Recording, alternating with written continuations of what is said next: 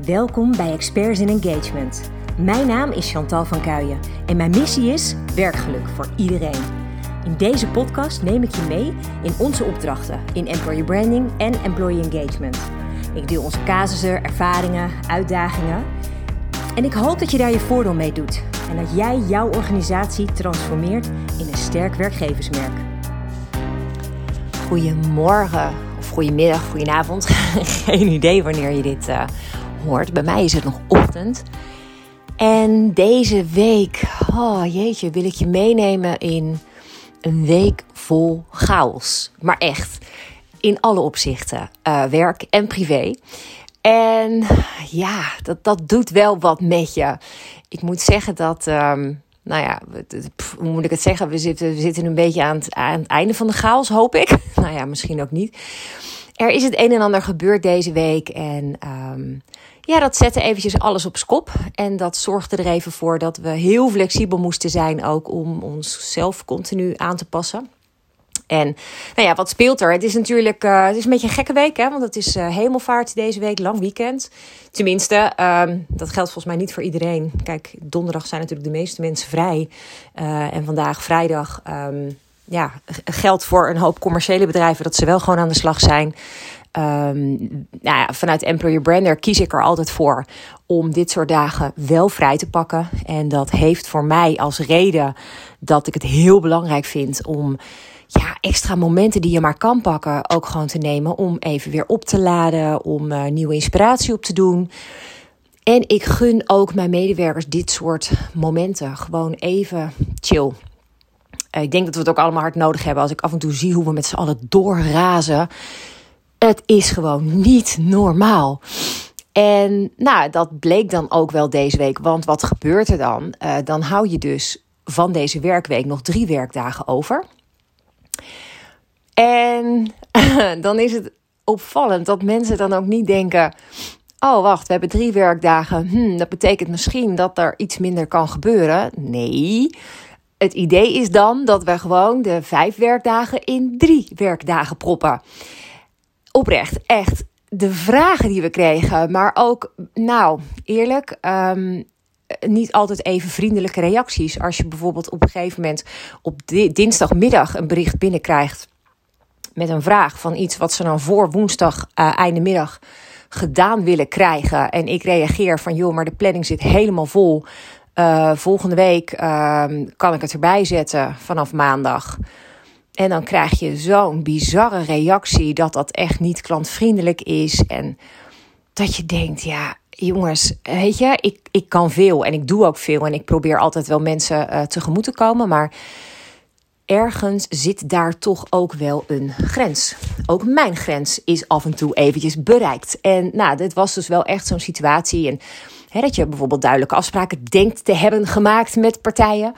En dan uh, lees ik ook een mail terug en dan denk ik, nou, ik heb het volgens mij toch heel duidelijk gezegd. In dit geval ging het bijvoorbeeld over een vacaturetekst. En uh, uh, ik had afgesproken dat uh, de partij zou zelf dan de vacature We hadden geen tijd meer om een interview extra in te plannen. Want de agenda zat echt bij alle schrijvers volledig vol. En het is een partij met wie we een afspraak hebben voor een maximum aantal vacatures per week. En daar zijn ze al twee keer overheen gegaan. Oftewel, we hadden drie keer zoveel vacatures als dat we normaal hadden afgesproken. Dus ik vond eigenlijk dat we wel heel flexibel waren. Maar blijkbaar nog niet voldoende. En toen hadden we afgesproken dat deze partij zelf dan alvast de vacature tekst schrijft. En had ik aangeboden, nou dan wil ik dan nog wel daar een, eh, doorheen lopen. Om te zorgen dat het zo optimaal mogelijk is qua taalgebruik en alles. Ik dacht, nou, vond ik nog redelijk coulant van mezelf. Um, maar mm, dat, nou, ik weet niet hoe dat werkt in iemands hoofd. Ik had ook heel duidelijk gezegd, hè, ik had een aantal basisvragen gestuurd. Van goh, hè, gebruik dat dan als leidraad. Uh, dat zijn dan de vragen, zodat je anders gaat nadenken over welke informatie je in een vacaturetekst zetten. En toen had ik ook gezegd van nou dan kan je dat als leidraad gebruiken om daarmee dan de tekst te schrijven. Zodat je een beetje weet welke vragen wil een kandidaat antwoord als hij of zij de tekst leest. En wat gebeurt er vervolgens? Ik zou dan uh, woensdag zeg maar die tekst uh, uh, ontvangen en dan zou ik hem dan woensdag nog even doorlopen zodat hij ook die woensdag online gezet kon worden. Vervolgens krijg ik dinsdagavond een mail met de vragen beantwoord, maar geen vacaturetekst. Waarin zij dan gewoon zeggen: Nou, hier zijn eh, de antwoorden. Succes met het opstellen van de facturen. En ik dacht, ja, maar wacht even, dat hadden we niet afgesproken. Dus ik ook mijn mail teruglezen en ik begon echt te twijfelen aan mezelf. Ik denk, heb ik nou echt rare dingen gezegd? Maar nee, ik had nog een keer echt letterlijk ook gezegd: heel veel succes met het opstellen van de vacature. Ik zie de tekst graag tegemoet. Ja, en dan denk ik: is dit dan expres? Of hè, weet je, ik vind dat zo ingewikkeld af en toe dat ik denk: word ik nou gewoon in de maling genomen? Ehm, of is het echt gewoon dat ze het niet willen lezen? Hoe werkt dit nou? En wat ik dan heel ingewikkeld vind, is dat ik dan zelf ja, mezelf dan toch maar weer push om het dan toch maar te regelen voor die partij. En dat vind ik wel, ja, aan de ene kant vind ik dat heel goed, want het is super klantvriendelijk en ik, ik regel het allemaal wel. Um, ook al gaat het ten koste van mijn eigen avonden, want dan ga je inderdaad s'avonds langer door, omdat je dit allemaal wil regelen. Aan de andere kant denk ik, je mag toch soms ook wel eens een grens trekken en gewoon zeggen: nee, sorry, dit gaat hem dus niet meer worden. Dan wordt het dus inderdaad volgende week. Het vervelende is alleen dat als ik dat dus een keer zeg, en tuurlijk doe ik dat ook wel eens, dan is er echt heibel in de tent. Dan krijg ik echt de opdrachtgever op mijn dak met allerlei ingewikkelde e-mails en telefoontjes. En dan hebben ze hun beklag meteen gedaan over dat ik niet klantvriendelijk ben en dat ik niet flexibel ben. En en dan denk ik, oh, dat is bijzonder hè, hoe we in zo'n andere perceptie kunnen leven. Hoe we zo'n eigen kijk op dingen kunnen hebben. En dat is natuurlijk ook hoe het leven in elkaar zit. We hebben allemaal onze eigen waarheid. En ik wil ook niet zeggen dat mijn waarheid per se de juiste is. Laat het even duidelijk zijn. Weet je, ik denk dat de waarheid altijd ergens een beetje in het midden ligt. Dus nou ja, goed. Ik vond het wel weer een hele interessante. Want zo ging mijn hele week eigenlijk. Ik had achter elkaar uh, berichten van mensen op maandag, dinsdag en woensdag. Die vonden dat ik het dan nog maar even voor donderdag geregeld moest hebben. En ja, tegen de woensdag dacht ik echt. En nou is het gewoon klaar nu kap ik ermee, want ik, ik trek dit niet. Ik um, had afgesproken met mijn uh, twee lieve mannen thuis dat wij woensdagavond gezellig uh, wat, uh, wat hapjes zouden regelen en dat we dan gewoon een nou, gezellig het weekend zouden beginnen. En ik was toch echt niet van plan om dan nog eens een keer woensdagavond ook weer tot laat door te gaan, omdat mijn klanten geen geduld hebben. En omdat ze dingen gewoon slecht plannen. Kom op, dit soort dingen had je eerder kunnen overzien. De meeste dingen die binnenkomen hadden ze een week geleden al kunnen inschatten. Dus ik dacht, nou ja, dit is inderdaad wel echt mijn grens. Dus daar heb ik hem ook getrokken.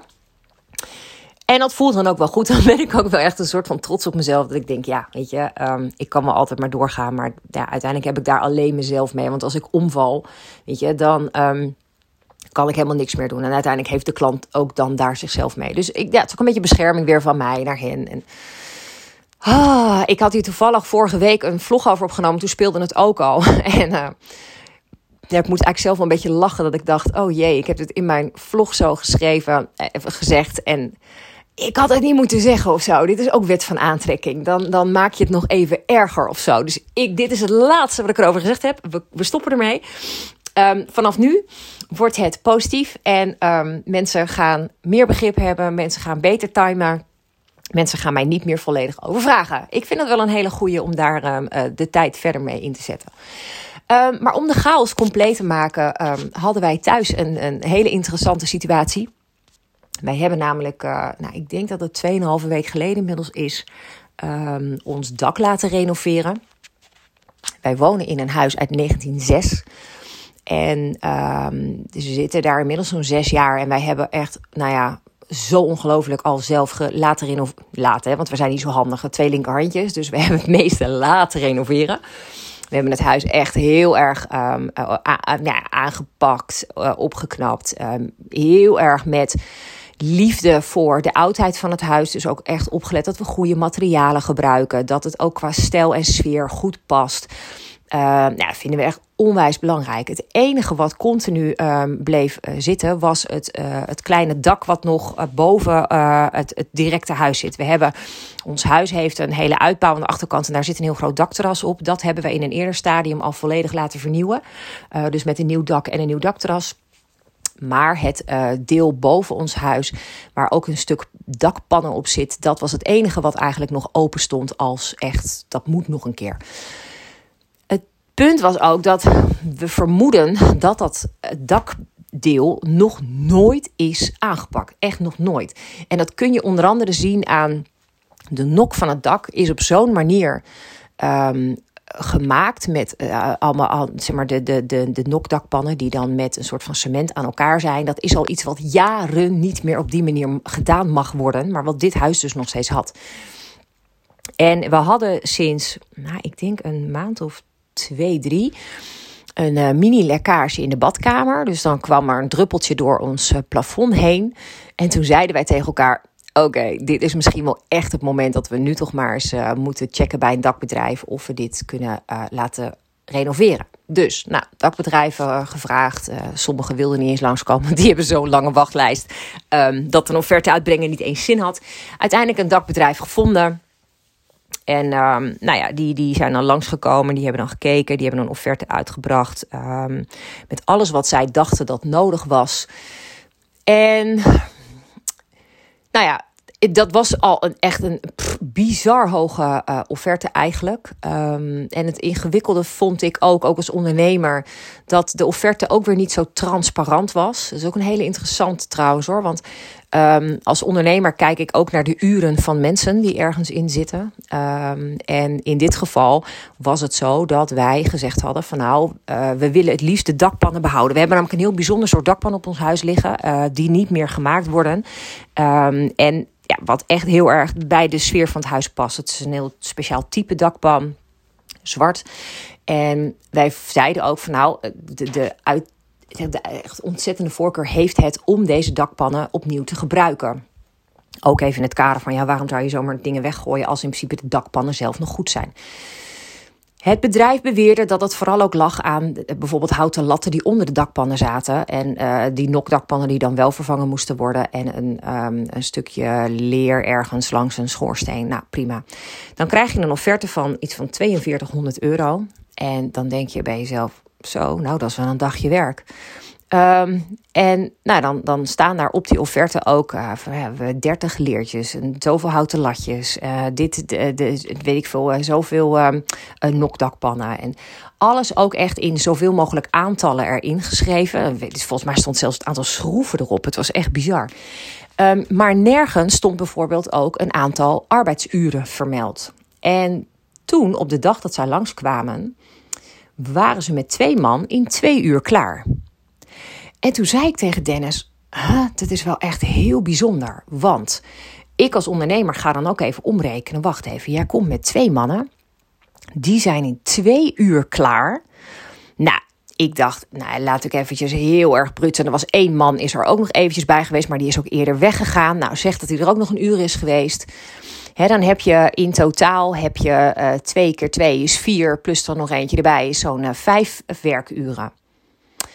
Ga je dat um, dan omzetten naar bijvoorbeeld een uurloon van zeg 100 euro. Hè, de meeste loodgieters en zo zitten volgens mij ook wel aardig op dat bedrag. Dan kom ik op een bedrag van 500. Nou, laten we het heel ruig maken. Ze hebben een belachelijk hoog uurloon. kom je op 1000. Dat zou dus betekenen dat de rest van de offerte aan materialen 3000 euro was. Ja, sorry, maar dat kan je mij gewoon niet wijsmaken. Voor die paar latjes, paar houten latjes, een paar nokdakpannen dat klopt gewoon niet. En eh, nou ja, hè, en dan achteraf, want dat was grappig, dat zei ik op het moment dat ze weggingen. Toen wist ik nog niet dat ze er zo een zootje van gemaakt hadden. Want twee weken later dus hebben we natuurlijk een ongelooflijk slechte uh, weersomstandigheid. Met echt een, een enorme bak aan regen. En dat hebben we geweten. Want dat was het eerste moment dat we erachter kwamen dat het water van ons plafond kwam gutsen in de badkamer. Maar dit keer niet alleen in de badkamer, maar ook in de kamer van Jurian. Die ligt daar tegenaan. En het was niet een beetje water, het was gewoon waterstroom. Toen dachten we, ja, maar dit is echt bizar. Dit is, dit is gewoon niet normaal. Het lijkt wel of er gewoon dakpannen niet zijn teruggelegd of zo. Heel raar. Dus, nou, dat was dan vorige week vrijdag. Uh, dat was dan de eerste lekkage die er ontstond. Um, en, nou ja, vrijdag dan uh, bel je en dan mail je. En dan is nou ja, het bedrijf dicht. Dus dan heb je voor de rest van het weekend gewoon vet pech. Er is een noodnummer, maar dat wordt niet opgenomen. Dus dat had ook geen zin. En nou, dus dat weekend en nog meer regen en nog meer regen. En um, maandag, um, het zondagavond liep het eigenlijk uit de hand. Want toen zaten we beneden op de bank. En ineens hoorde ik hele grote druppels vallen. En ik dacht, huh, waar komt dat vandaan? En toen ging ik kijken, want het kwam een beetje aan de voorkant van de kamer. Het, kwam, uh, het waren hele grote druppels die op de planten en op de vensterbank terechtkwamen. nou ja, en toen voelde ik hem al een beetje aan. Want toen zei ik tegen Dennis: Oh, dit is echt, dit is, dit is foute boel. Dus toen ben ik snel naar boven gerend. En toen zagen we inderdaad dat op veel meer plekken uh, vanuit het plafond en langs de muren gewoon zoveel water kwam. Niet normaal, alsof er een kraan boven open stond. Het was echt ongelooflijk. Nou, toen hebben we alle mogelijke handdoeken en spullen die we konden vinden om te dempen, hebben we erbij gepakt. Ik heb daar echt een tijdje op de kamer van Jurian met een handdoek in mijn hand tegen de muur aangestaan om de boel te deppen. Want ja, ik kon die handdoek daar op dat moment niet vastklemmen. Uh, en nou ja, toen zijn we zo eigenlijk de avond een beetje doorgekomen. En toen hebben we maandagochtend weer een, een, een mail gestuurd. Echt maar wel echt met een boze reactie dit keer. Van ja jongens, dit kan toch gewoon niet waar zijn. We zijn zo diep teleurgesteld. En uh, verwachten eigenlijk dat jullie vandaag komen om dit op te lossen. En nou ja, dat gebeurde niet. Ze kwamen niet.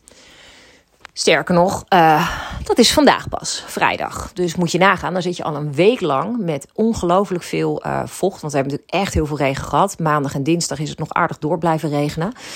De schade is echt bizar, want um, de plafondplaten zijn, uh, dat zijn natuurlijk van die gipsplaten, nou die zijn gewoon echt helemaal kapot. Um, donkerbruin, uh, kringen, uh, zelfs op sommige stukken is de plafondplaat echt gebarsten, opengebarsten. Nou de, druppels hingen eraan. Um, ja, het is niet normaal, het is, het is echt bizar. In de muur bij Julians kamer zie je een donkere vlek zitten van het vocht wat erin zit. Ik heb um, maandag uh, verwarmingen aangezet boven. Bizar natuurlijk, helemaal niet nodig met dit weer. Maar ja, om maar te zorgen dat het vocht zo snel mogelijk ook weer zou verdampen. En ja, nu moeten we dus ook al die schade gaan herstellen. En dat is heftig. En het aparte is wel een hele situatie. Is, er gebeurt van alles. En daar kan je ongelooflijk van balen. En ja, geloof me, dat doen we ook. Maar het aparte was ook um, dat we desondanks toch ook wel naar de situatie konden kijken van... hé hey joh, um, dit is nu gebeurd. Uh, en nu? Wat gaan we doen? Weet je, je kan erover blijven zeuren, maar het punt is vooral hoe ga je het oplossen? En nou, we zijn eigenlijk ook een beetje meteen in die modus gekomen. Zo van, joh, uh, uh, dat vond ik wel heel grappig. Dat was maandagavond dat we het er even over hadden. En dat ik tegen Dennis zei, ja, dat is wel een hele interessante kwestie. Want ik had een tijdje geleden namelijk een podcast gehoord. En dat ging over um, betekenis van bepaalde symbolen die op je pad komen. En wat dat dan zegt. En uh, een van de symbolen waar die persoon het over had in de podcast ging over water. En die vertelde dat als je bepaalde lekkages hebt in huis, dat daar een symbolische betekenis achter zit. Bijvoorbeeld dat als iemands leiding, uh, leiding uh, verstopt zit in het huis, dat dat iets kan zeggen over je emoties. Dat het een soort hint is van het universum. Van hé hey joh, uh, volgens mij heb je wat te doen. En ik zei dat tegen Dennis maandagavond en toen dacht ik, hé, hey, dit is best interessant eigenlijk. Laat ik eens eventjes gaan zoeken op internet wat daar dan voor um, symboliek achter zit. En ik deed dat en toen kwam ik dus op een heel interessante website. als je de vlog volgt um, op YouTube, dan zie je daar, daar heb ik het stukje gedeeld wat ik vond op, op internet. En dat ging erover dat als er dus water uit je plafond lekt, dat dat kan betekenen dat iets waar jij druk mee bezig bent al een tijdje, um, qua verandering bijvoorbeeld in je leven, dat dat op dat moment meer tractie gaat krijgen. Dus dat het moment er is, het moment nu aanbreekt, dat waar je dus uh, iets in aan het voorbereiden was, echt vorm gaat krijgen. En dat vond ik een onwijs interessante betekenis, omdat ik al een tijdje natuurlijk bezig ben om mijn hele business van employer branding en arbeidsmarktcommunicatie veel meer om te buigen richting dingen als werkgeluk, geluk in het algemeen. Um, en dat is, dat is gewoon niet een, een, een situatie die je even zo creëert. Weet je, daar heb je echt tijd voor nodig. Daar ben ik dus inmiddels ook al een paar maanden mee bezig. En um, ja, dat gaat nog niet altijd zo snel als dat ik zou willen. Nou ben ik ook enigszins ongeduldig aangelegd. Dat helpt niet. Uh, maar ik dacht wel, hé, hey, dit is wel onwijs mooi. Als ik dit als betekenis eruit mag halen, dat dit, deze hoeveelheid aan water door mijn plafond moest komen gutsen om mij een boodschap te geven van, joh, weet je, er komt iets goeds aan dan vind ik dat fantastisch. Weet je, en of het nou waar is of niet, maakt mij niet uit.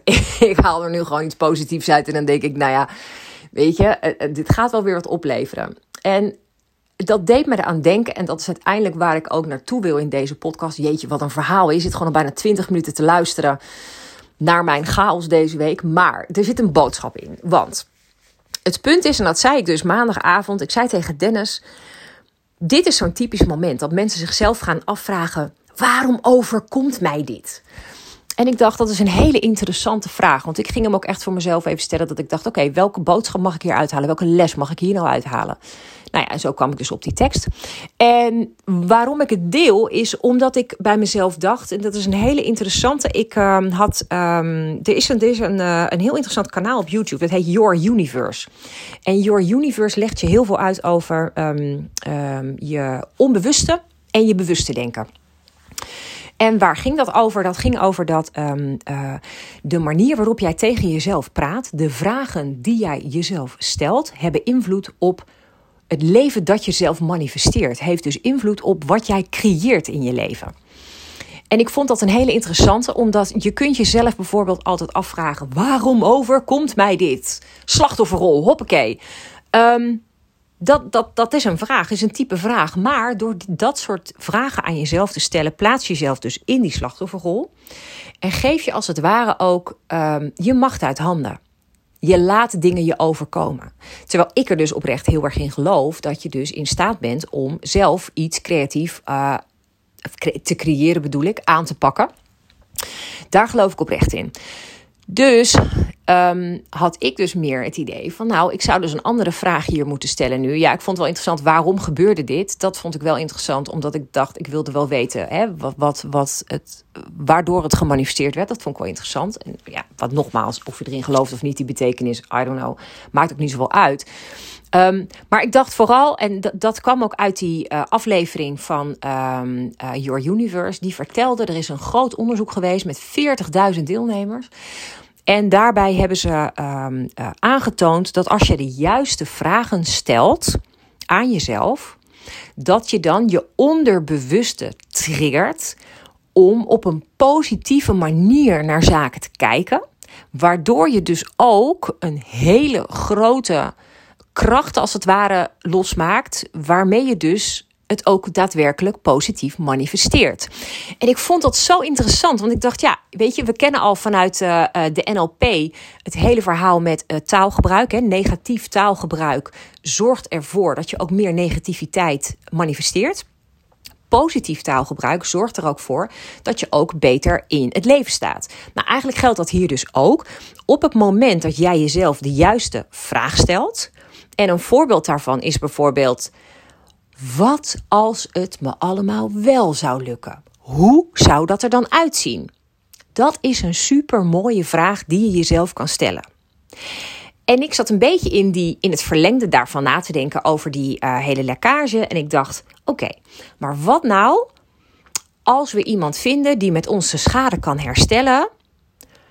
Intern dan binnen. Dat dak, dat mag het dakbedrijf gewoon echt even voor zijn rekening nemen. Maar intern, hè, we hebben er nu een timmerman nodig om te zorgen dat dat hele plafond weer uh, netjes eruit ziet. Wat kunnen we dan um, realiseren om het eigenlijk gewoon meteen een upgrade te geven? Om het meteen mooier te maken, zodat we dus iets positiefs uit de situatie halen en daarmee dus meteen ons huis verder verfraaien. Om het zo te zeggen, ouderwets woord, maar goed. Um, en dat vond ik wel uh, een hele mooie. En ik dacht, dat, dat wil ik heel graag aan mensen meegeven. Dat hoe je zelf naar dingen kijkt, bepaalt al voor een groot, echt voor een heel groot deel, um, wat daar als uitkomst uiteindelijk dan uit gaat komen. Dus als je nou jezelf vraagt: wat als ik de ideale relatie manifesteer? Wat nou als die ideale partner op mijn pad komt? Hoe ziet mijn leven er dan uit? Wat als ik um, mijn droomhuis vind en daar mag wonen. Wat doet dat met mijn leven? Wat als ik de ideale baan vind waarin ik dat en dat en dat en dat mag doen? Hoe voel ik me dan? Het, het meest aparte is dat uit dat onderzoek kwam dat op het moment dat jij op die manier vragen aan jezelf stelt, dan zet je daarmee als het ware, als je, als je gelooft in de wet van aantrekking, alles in werking om ook daadwerkelijk een beetje het, het fantaseren wat je doet door zo'n vraag, om dat in de realiteit te brengen. Hoe fantastisch is dat? En ik vond dat zo'n interessante. Want eerlijk, ik geloof gewoon oprecht heel erg in de wet van aantrekking. En um, ik moest ook heel erg lachen, omdat ik dacht: ja, oké, wat heb ik nou gedaan om deze lekkage dan te verdienen? Wat, wat in vredesnaam heb ik dan hoe heb ik dat nou weer gemanifesteerd, weet je? Dus ik, dat vond ik ook wel een hele grappige ergens. Um, want dat weet ik nog steeds niet. Ik heb volgens mij helemaal geen rare dingen gezegd over... nou, nou, nou, als maar droog blijft. Nee, dat volgens mij niet. Um, dus ik blijf erin zitten dat er, daar, daar zat een betekenis in. Dat kan niet anders. En ja, misschien vind je me nu ongelooflijk zweverig, haak je kaart af. Het kan. Maar voor mij is het een, een manier om ook heel erg naar het leven te kijken. Als in, ja, ik kan onwijs bij de pakken neer gaan zitten. Maar daar help ik niemand mee, mezelf wel helemaal niet. Um, dus ik wil graag gewoon kijken naar hoe ik dit op een positieve manier kan uh, benaderen.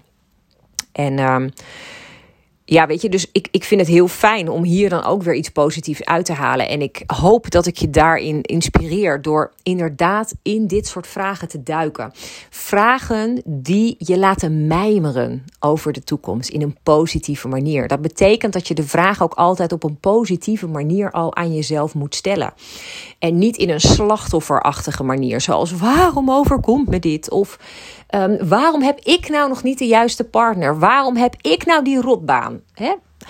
En meer dus nadenkend over, hé, hey, maar wat zou de potentie kunnen zijn? Wat nou als ik dan wel, um, uh, nou ja, wat nou als ik wel voldoende geld heb, bijvoorbeeld? Dat is ook zo'n ding waar veel mensen mee te maken hebben. Want een gevoel van geldtekort. Wat nou als ik een leven in overvloed mag leiden? Wat kan ik dan allemaal doen? Het mooie is gewoon dat op het moment dat je daarover na mag denken, dat je een beetje mag dagdromen, dan doet dat sowieso heel veel voor je, je humeur. Je wordt er gewoon vrolijk van, want je bent lekker aan het dromen. Je denkt alleen maar aan mooie dingen. En dus tegelijk zet je als het ware de wet van aantrekking al uh, aan het werk. Want je, ja, je spreekt eigenlijk als je denkt na over de wensen die jij eventueel hebt. En daarmee maak je ze al een stukje werkelijkheid, want je ziet ze namelijk al voor je. En dat is echt het halve werk. En nou, dat is eigenlijk wel mijn boodschap voor vandaag. Dat ook al is het nog zo'n chaos, er komt altijd een mooi lichtpuntje waardoor alles weer beter wordt. En in alle eerlijkheid, weet je, ik geloof er ook oprecht in dat als je leven er alleen maar mooi zou uitzien, man, dat zou saai zijn. Dus ook daarbij denk ik, het is ook wel goed dat het af en toe even tegen zit. Want daardoor waardeer je ook andere dingen weer heel erg. Weet je, zo is het ook gewoon heel simpel.